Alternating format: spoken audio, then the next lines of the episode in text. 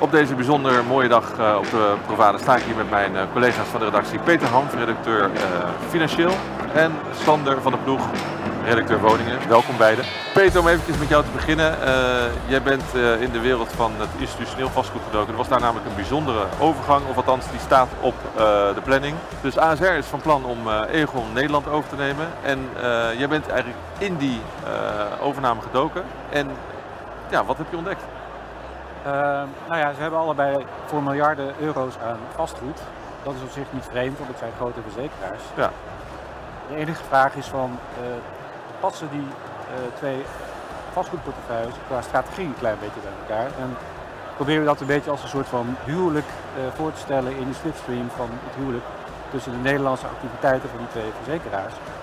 En ik weet niet of het helemaal past. We hebben het kadaster gevraagd om onderzoek naar te doen, zoveel mogelijk objecten erboven te halen uh, van die uh, partijen. Ja. En ja, dan zie je wat, wat verschillende focus. Uh, wat bedoel je daarmee, verschillende focus? Egon heeft heel veel direct vastgoed om te ja. beginnen. En ASR heeft heel veel indirect vastgoed, doet veel meer via vastgoedfondsen.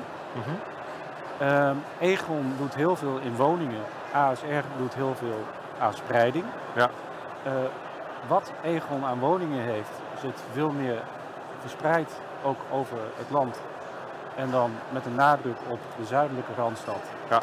En uh, eh, ASR doet meer aan focus in zeven sterke agglomeraties, zeven sterke steden. Met meer nadruk op Utrecht en Amsterdam, of eigenlijk Amsterdam en Utrecht.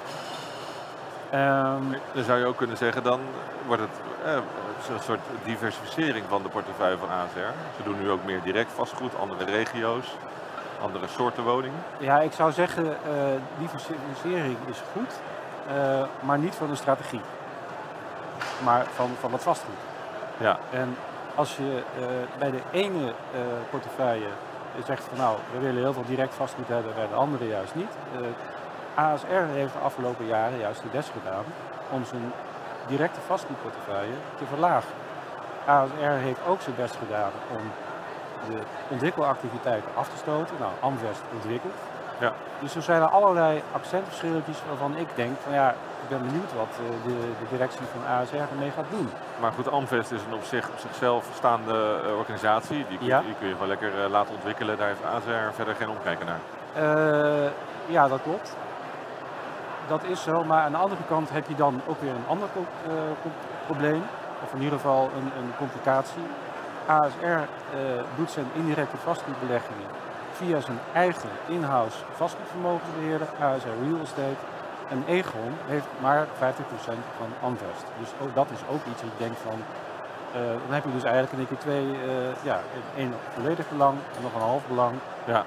voor indirecte vastgoedbelegging. Ja, dus je zegt eigenlijk, het is niet zo'n bijzonder huwelijk op voorhand al. Waar komt die wens om samen te gaan dan toch vandaan? Waarom denken zij dat het wel een goed idee is? Waarom denkt AZR dat? Nou, ik denk dat zij in eerste instantie zich bezighouden met de match tussen de verzekeringsactiviteiten. Ja, uh, precies. Het is altijd eh, interessant wat er dan gebeurt met datgene wat in de basis niet je kernactiviteit is, maar meer ondersteunend. En daar kunnen best verrassende beslissingen uitkomen. Ja, maar wat zouden eventuele gevolgen hiervan kunnen zijn, van deze conclusie? Want die, dat is waarschijnlijk een conclusie die ze zelf ook kunnen trekken. Uh, ja, als zij uh, ook, ook uh, de gegevens hebben, ik neem aan dat ze die hebben. Ehm, als ik een makelaar was, capital markets, dan zou ik daar belletje trekken. Ja, precies. Ja, dan zou ik zeggen van joh, is er misschien iets waar je van af wilt. Ja, ja, dus dat zou een van de mogelijke gevolgen kunnen zijn. Of dat ze het apart zetten bijvoorbeeld. Ja, in ieder geval, ik zou strategische beslissingen verwachten Um, en uh, dat kan ja, uh, handel betekenen, ja. denk ik. Ja, ja. Even uh, voor, de, voor de leek, hoe staat het nu in het, in het hele traject? Is het, nog, het is nog niet rond, die, die overname? Het laatste wat ik ervan begrepen heb, is dat je dan nog je goedkeuring, je moet al, ja, ja. goedkeuring van de, toezichthouders. Er zal ongetwijfeld worden gekeken naar de, de verhoudingen op de Nederlandse verzekeringsmarkt. Ik heb daar eigenlijk de afgelopen tijd niet zo, niet zo heel veel over gehoord. Meer gekeken naar hoe verhouden die vastgoedportefeuilles zich tot elkaar? Ja, en die verhouden zich dus niet zo bijster goed tot elkaar. Is de conclusie van jou in ieder geval, eh, Peter? Ja. Ja, dat is duidelijk. het kadaster is ook ingeschakeld bij een ander ja, een heel leuk verhaal dat je hebt geschreven, interessant ook, ehm, over technologiebedrijf ASML. De chipmachinefabrikant natuurlijk bekend in, in Veldhoven. daarvan melden collega's van ons van het FD dat ja, dat het bedrijf toch bezig is om uh, bepaalde grondposities uh, in te nemen, daardoor particuliere huiseigenaren uit te kopen tegen best wel aantrekkelijke bedragen. daarvan dacht ik, dat is ook iets waar ik, waar ik meer van wil weten. Ja, ik was vooral benieuwd in het aspect van de waardeontwikkeling. Kijk, je, je, weet wat het, wat het heeft opgeleverd. Die panden gingen voor ruim een miljoen over de toonbank. Ja. Nou ja, virtueel. Maar wat, wat hadden ze nou eigenlijk gekocht, gekost? Dus ik heb er gewoon een paar uh, rijtje huizen uit, uh, uitgelicht. En gaan we even terug naar 1979. Toen had je een, uh, een stel en die hebben toen voor 95.000 gulden een pandje gekocht. Een aardige lap grond. 196 vierkante meter voor de woning en dan nog 422 vierkante meter. Dus dat is best wel aardig. Tuinieren. Ja. misschien een beetje flauw om om te rekenen naar euro's, maar 43.000 euro. En ja, dat nou ja, daar komt mijn vader ook een huis verkopen. Dat, dat, dat waren normale prijzen. Dat waren normale prijzen niet. Ja, precies. Ja. Goed, toen uh, hadden ze op een gegeven moment uh, zoiets van, we willen er wel een lapje grond erbij. En dat hebben ze in 1991 gedaan. En toen betaalden ze uh, omgerekend, want het is natuurlijk nog steeds was gulden tijdperk, maar in euro's gemeten was het 3,29 euro per vierkante meter. Kijk, dat zijn nog mooie meterprijzen. Ja. ja, maar goed, gaan we even fast forward, ja. 2014. Ja. En intussen bestaat ASML uh, eh, sinds 1984, 20 jaar. Ja, spin-off van Philips, toch? Ja. ja. En dan gaan ze nog een keer met een buurman onder tafel en zeggen, joh, we willen nog wel een lappen grond hebben. En een beetje een rare transactie, want het zijn twee lappen grond met uh, verschillende omvangen. Maar bij de ene kom je uit op 86 euro per vierkante meter en de andere op 24. Maar nog steeds aanzienlijk meer. Ja. En uh, nou, op een gegeven moment uh, hebben ze dus uh, het pand verkocht aan, aan ASML. Dat was wanneer? 2016? Nee, dat is, dat is vrij, vrij recent. Dat, was 28 april 2023. Oké, okay, dat is echt recent. Ja. En toen hebben ze dus die 1.255.000 euro en 0 cent gekregen. dat is inclusief 155.000 en zo geheten bijkomende vergoedingen. En dan, ja, dat, het is niet een uitschieter of zo. Die buurman die, eh, die had nog een grotere lap grond en die kreeg uh, uiteindelijk 1,95 miljoen euro. Even die 1,2 is, uh, wat, welke meterprijs kom je dan? Ja, dat is een beetje, moet ik even spieken, als je niet erg vindt. Nee, dat vind ik niet erg. Uh, even kijken. zij hebben betaald, één echtpaar heeft 1439 euro per vierkante meter gekregen. Eén, de buurman heeft 891 euro per vierkante meter gekregen. En dan hebben we het over de lappen grond. En eentje, eh, de buren aan de andere kant, die nog wat later waren ingestapt, dus 1084 eh, euro. Ja. En ja, dat is, je kunt zeggen, ja, dat is eh, grond met een huis erop. Alleen, ik heb het toch maar gewoon over, omgeslagen naar de grond. Want die, die woningen die gaan niet verhuurd worden. Nee, het gaat ook om de grond. Ja, toch? dus ik, ik zie het toch eigenlijk meer als uh, ja, grondprijs. Grond, uh, grondhandel. en, ja. want wat, wat wil ASML uh, met die grond, denk jij? Um, nou, in ieder geval in de nabijheid uh, fors uitbreiden. En ik denk dat ze voor eens en voor altijd gewoon uh, van zo'n gedoe met buren af willen zijn. Ja. Uh, want ja, je, hebt, je hebt echt gewoon een industriecomplex in je achtertuin. Maar op de, de, de meest recente de plannen voor de, voor de uitbreiding zie ik nog niet direct dit straatje er echt ook ingetekend.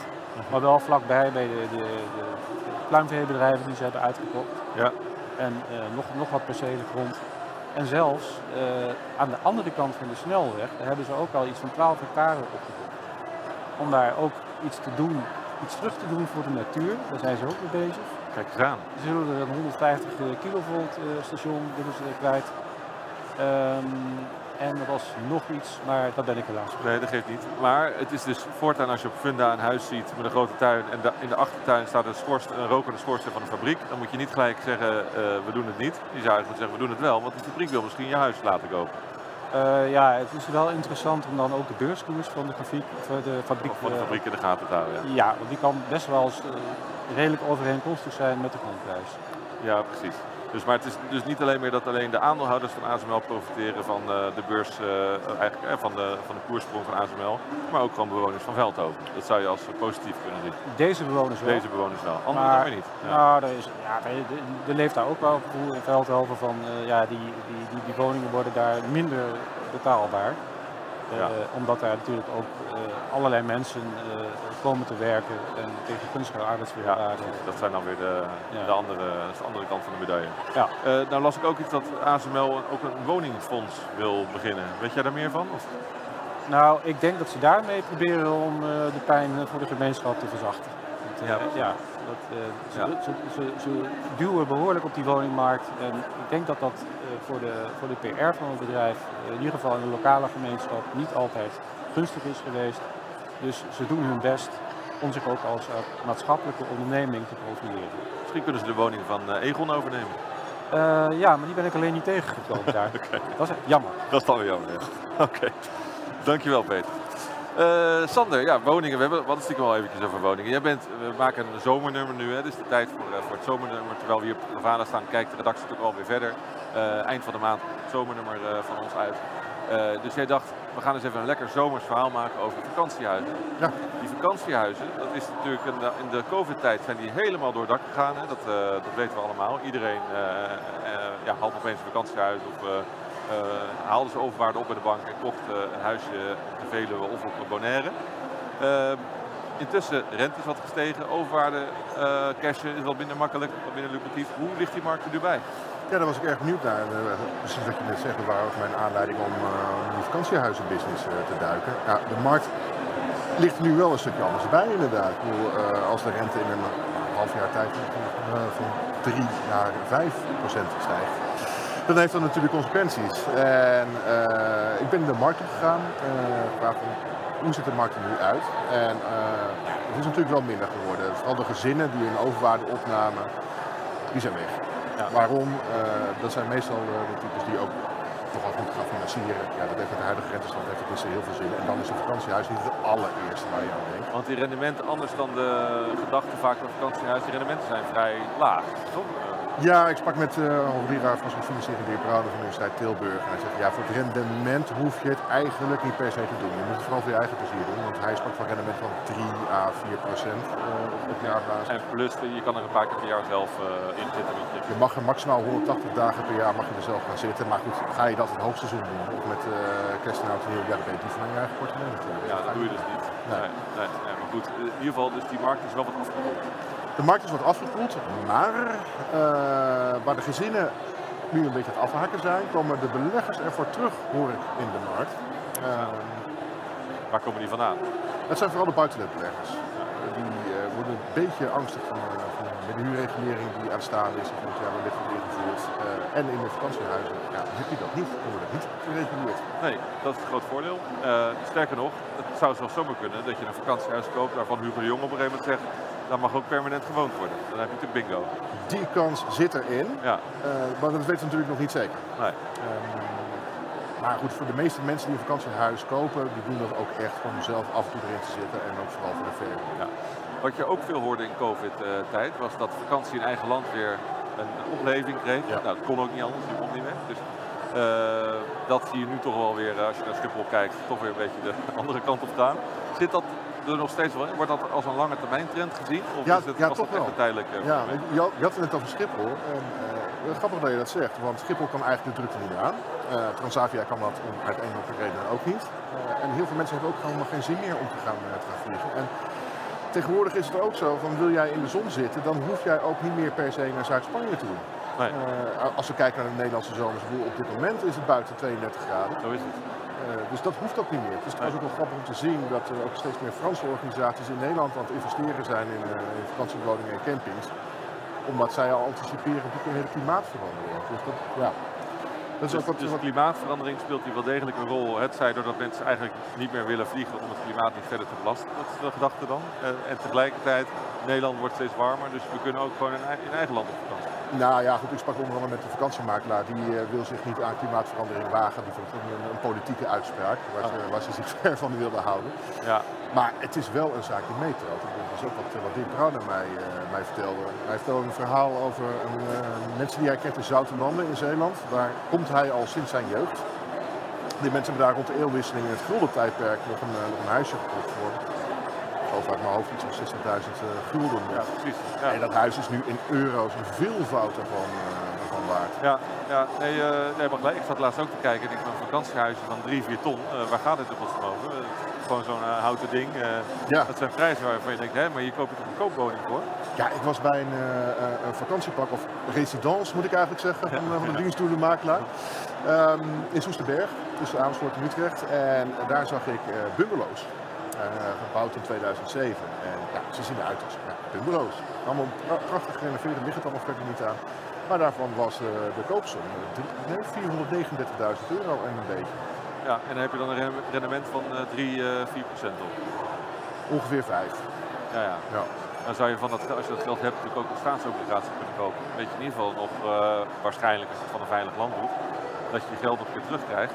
Hoe is dat bij zo'n vakantiewoning over uh, 10 à 15 jaar? Dat is natuurlijk de vraag. Um, kijk, je kan een vakantiewoning kopen op, op een plek die nu bijvoorbeeld hip is en later bij, uh, uit de gratie valt bij toeristen. Alleen hoe groot is die kans? Kijk, als jij een woning koopt aan de Nederlandse kust, zit je eigenlijk wel goed. Tenzij die overstroomt. Tenzij die overstroomt. Ja. Dat is weer, dat is weer, dat is weer een ander scenario. Maar goed, ja. Um, dus ik denk dat dat wel, dat dat wel goed zit. Het, het belangrijkste is er denk ik meer in dat je een huis van een redelijke kwaliteit koopt. Uh, er zijn best wel wat aanbieders op de markt en niemand wil de namen noemen. Nee. Die uh, ja, privatwoningen aanbieden, die ja, goed, een levensduur hebben van pak een beetje 20 jaar. Uh, tenzij je hem weer behoorlijk gaat opknappen. Dus voor zo'n enorme kostenpost dan kun je afvragen of, of die uitkoop überhaupt zin heeft. Want je koopt vaak de grond ook niet, hè? Dat de grond is vaak van het park en je koopt alleen de woning. Het is niet, uh... Ja, je koopt de woning en uh, als je een rendement hebt van nou ja, 4, 5, 6 procent, dat is een aanvangsrendement. En meestal ligt het rendement zelf wat hoger. dat komt omdat het park er zelf ook nog wat over wil houden. Het is ontwikkelaar. En uh, je betaalt ook uh, de helft van je bruto huurinkomsten gaat op aan het parkbeheer. Ja, ja, ja.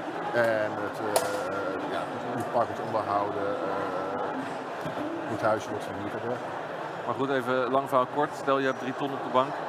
zou je doen? Zijn vakantiewoning kopen in Nederland? Nou, je moet het vooral doen als je het zelf leuk vindt. Kijk, je, je had het net over een staatsobligatie. Dat is ook een veilige belegging. Maar is het leuk? nou ja, sommige mensen vinden zekerheid leuk. Ja, ja, ja, ja. maar je kan, niet, je kan er niet op vakantie, je kan niet op vakantie in een staatsobligatie. Nee, nee, nee, nee, Ook niet als je een Italiaanse koopt. Dat kan je helaas ook niet. Uh, nee, nee, nee, dat, dat kan ook niet. En iets minder veilig. En, maar, ja, en ik sprak ook met, met, met Dormio. Die zegt ook, we zien ook steeds meer beleggers die leggen in onze buitenlandse projecten. Want daarmee oplopen ze ook een beetje top 3 Ja, die heb je natuurlijk ook nog. Ja, ja. ja, ja. Dus, maar goed, dan lijkt me dan, als je dan naar Spanje gaat, dan wordt het ook steeds warmer. Ja, maar ze hebben ook woning in de Alpen, dus uh, als je die kant op dan dat kunnen. Maar goed, even, het is dus nog niet dood, de, de vakantiewoning nee. trend, maar wel flink afgekoeld. Ja, het is wel afgekoeld. Vooral particulieren zijn, ja, uh, zijn er wel afgevraagd. Ja, ja. meer professionele beleggers. Oh, en tot slot, uh, institutioneel, pensioenfondsen. Ik sprak met een partij die heel graag institutioneel geld wil aantrekken ja. voor, voor de recreatieve markt. dat heeft nog weinig succes vooralsnog.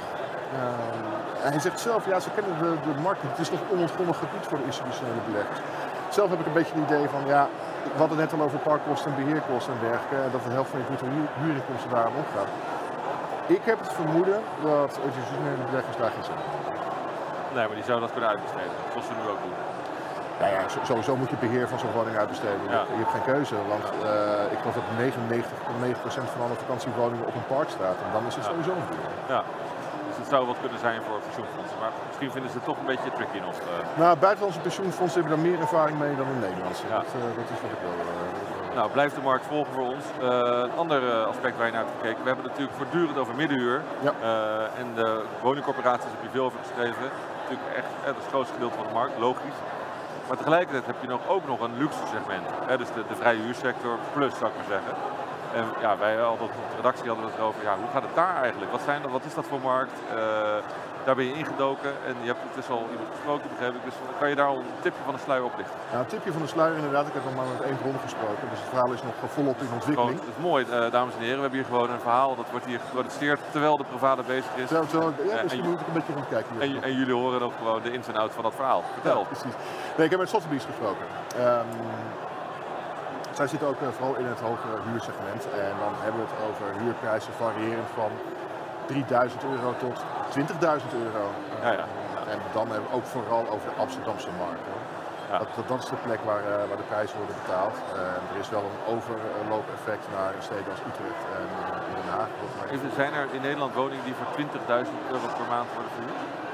Ja, die zijn er, maar het is echt een handjevol. Ja. Want de, de, de, eigenaren van, van, van dat soort huizen, die hebben dat geld meestal helemaal niet Maar de huurders van dat soort huizen? De huurders die ook. kunnen toch ook een, als ze een hypotheek nemen, dan zijn ze 10.000 kwijt en dan hebben ze een, een, een, een, een paleis op de Dam. Ja, maar goed, het, het, het zijn in verreweg de meeste gevallen uh, zijn het experts die een tijdje in, in Nederland uh, zitten. Ja, dus uh, geen gedoe. Ze zijn ook heel, heel populair ook bij verhuurders van, van duurdere huizen. Omdat ze zeker weten dat ze op de duur ook weer vertrekken. Ja. Want het verbod op, op tijdelijke huur, ja, dat raakt de high-end markt wel, wel behoorlijk. Ja. Maar die markt, die, die, jij zei, die makelaar die krijgt gewoon vele mailtjes binnen op een, bijvoorbeeld een huurwoning van 3.000, 4.000 euro. Ja, in de prijscategorie 3.000 tot 7.000 euro in Amsterdam op een beetje leuke plek ontploft de mailboxcijfer. Daar gaat het heel hard. En dat zijn uh, vooral expats, ja. uh, vaak ook die samen willen wonen. En dat ze de kosten kunnen delen. En vaak ook het liefste met meer dan twee personen. Maar ja, goed, dat mag niet van de gemeente. Nee. Um, dat gaat het heel hard. Dus ze vertelden ook dat ze ook mailtjes krijgen met complete levensverhalen erbij. Van alsjeblieft verhuur deze woning aan mij. En toen dacht ik van, hè? gebeurt het ook in het echt dure segment, terwijl je dat eigenlijk zou verwachten bij ja. sociale of middenhuurwoningen. Ja, schrijnende toestanden in schrijnende het, uh, toestanden. in het luxe segment. Ja, ja. Nee, ik, nee ik, was er, ik was er echt oprecht verbaasd op. Ik had het niet verwacht. Nee. Je zou dus een ontwikkeling kunnen zien dat beleggers een heel pand leeg laten ponden en het dan als heel pand verhuren aan, uh, aan zo'n expert. Dat kan onder de middenhuurregulering vang je niet meer zoveel per pand, mm -hmm. per woning. Maar met het hele pand kan je dus 3, 4, 5.000 euro vragen. Dat zou kunnen als je op de juiste locatie zit. En ik vroeg ook van, ja, zijn beleggers überhaupt in dit segment actief? Uh, antwoord was ja. Er zijn weinig nieuwe toetreders, want ja, de aanschafkosten van zo'n woning zijn natuurlijk navenant. Ja. Uh, maar goed, er zijn beleggers die al dat soort woningen in hun portefeuille hadden. Ja, en zijn het specifieke beleggers die dit doen? Of is het gewoon iemand die toevallig ook een pand heeft die die categorie is? Meer toeval. Ja, ja. Dus het is niet een hele markt voor waar beleggers zich echt in specialiseren. Zij, zij is actief. Voor zover, nee. Oké, okay, uh, en het, het, gekste wat je hebt gezien in deze markt, uh, qua, qua, woning? Het gekste wat ik heb gezien was een woning, ik geloof aan de Vinkenveense Plassen. Dat was een huursom van 25.000 euro per maand. Ja, daar moet je maar zin in hebben. Uh, tenminste om dat te betalen. Wel met een bootje erbij dan? Ja, uiteraard. Ja. Stijgen, je ja. privéstrandje volgens ja, mij, zwembad, gym erin. Ja, goed, noem het allemaal maar op. En die woningen, dat duurt wel even een tijdje voordat daar een huurder voor gevonden is hoor. Ja, uh, Goed, voor, voor een lagere prijscategorie, 6.000, 7.000 euro. Ja, dat, dat, is natuurlijk een enorm onderscheid met 20.000. Nee. Ja, ik heb ook wel eens begrepen dat in die markt is het ook een beetje wat de gekke vergeeft. Dus het is niet echt taxatiewaarde of zo. Het is gewoon, het is een luxe segment en wat dan een prijs is, ja, dat, dat, dat is niet echt duidelijk. Het kan 25 zijn, maar het kan ook 15. Het kan ja. 10.000 euro tussen ja, en wat, wat, wat, ook opvallend was, dat er best wel veel experts waren die uh, in het hogere segment huren. En dan hebben we ook al 7000 plus hoor, dus rond de 10.000 ja. euro al. Die uh, uh, op de duur ook geïnteresseerd zijn in de aankoop van die woningen. Ja. Want de makelaars die ik sprak, die zeiden Nederland is erg populair bij, bij experts. zeker experts die uit landen komen met een, nou, laten we zeggen, instabiele, nogal ondemocratische regering. Die uh, vinden het leven hier uh, prima en weten ook dat het geld wat zij besteden aan een woning in Amsterdam uh, ja, redelijk veilig is. Ja. En er waren ook nog wat, wat trends welke, welke ja, experts waar willen zitten. Amerikanen willen bijvoorbeeld liefst in het centrum van Amsterdam zitten. Terwijl Indiërs met z'n allen naar Amsterdam gaan. Ja, die vinden dat maar poppenhuisjes volgens mij daar in Amsterdam. Ja, die vinden, die vinden dat klein. Ja, Aziatische klanten willen liefst een grote woning met, Ja. met een tuin. Ja. Interessante markt. Houden we het in de gaten. Gaan we zeker. Dankjewel. Even tot slot de Pravada verder. Hoe beleven jullie het? Eh, Peter, hoe beleef jij deze Pravada? Wat zijn je plannen nog? Nou ja, mijn, mijn, plannen zijn vooral om dat artikel over Egon en ASR af te maken. Heel goed. Dus dat, dat, lijkt op zich wel een, een mooie streven. en voor de rest, ja, mensen ontmoeten, zien. En je hebt zelf ook nog een ronde tafel Ja, die ook. We gaan heel erg diep in op de vraag wanneer we nou uiteindelijk klaar zijn met afwaarderen en iedereen weer vrolijk gaat handelen. En dat vinden mensen leuk. Die, ook die ronde tafel is gewoon te zien en te luisteren op wasgemaakt.nl. Sander, die van jou uh, zit er al op? Die zit er al op, die is al te zien en te beluisteren. Die is al te zien en te beluisteren, over woningcorporatie. Ja. Nou, genoeg om te zien en te luisteren. Veel plezier hier nog op de Provada. En jullie bedankt voor het luisteren en tot de volgende onroerende zaak.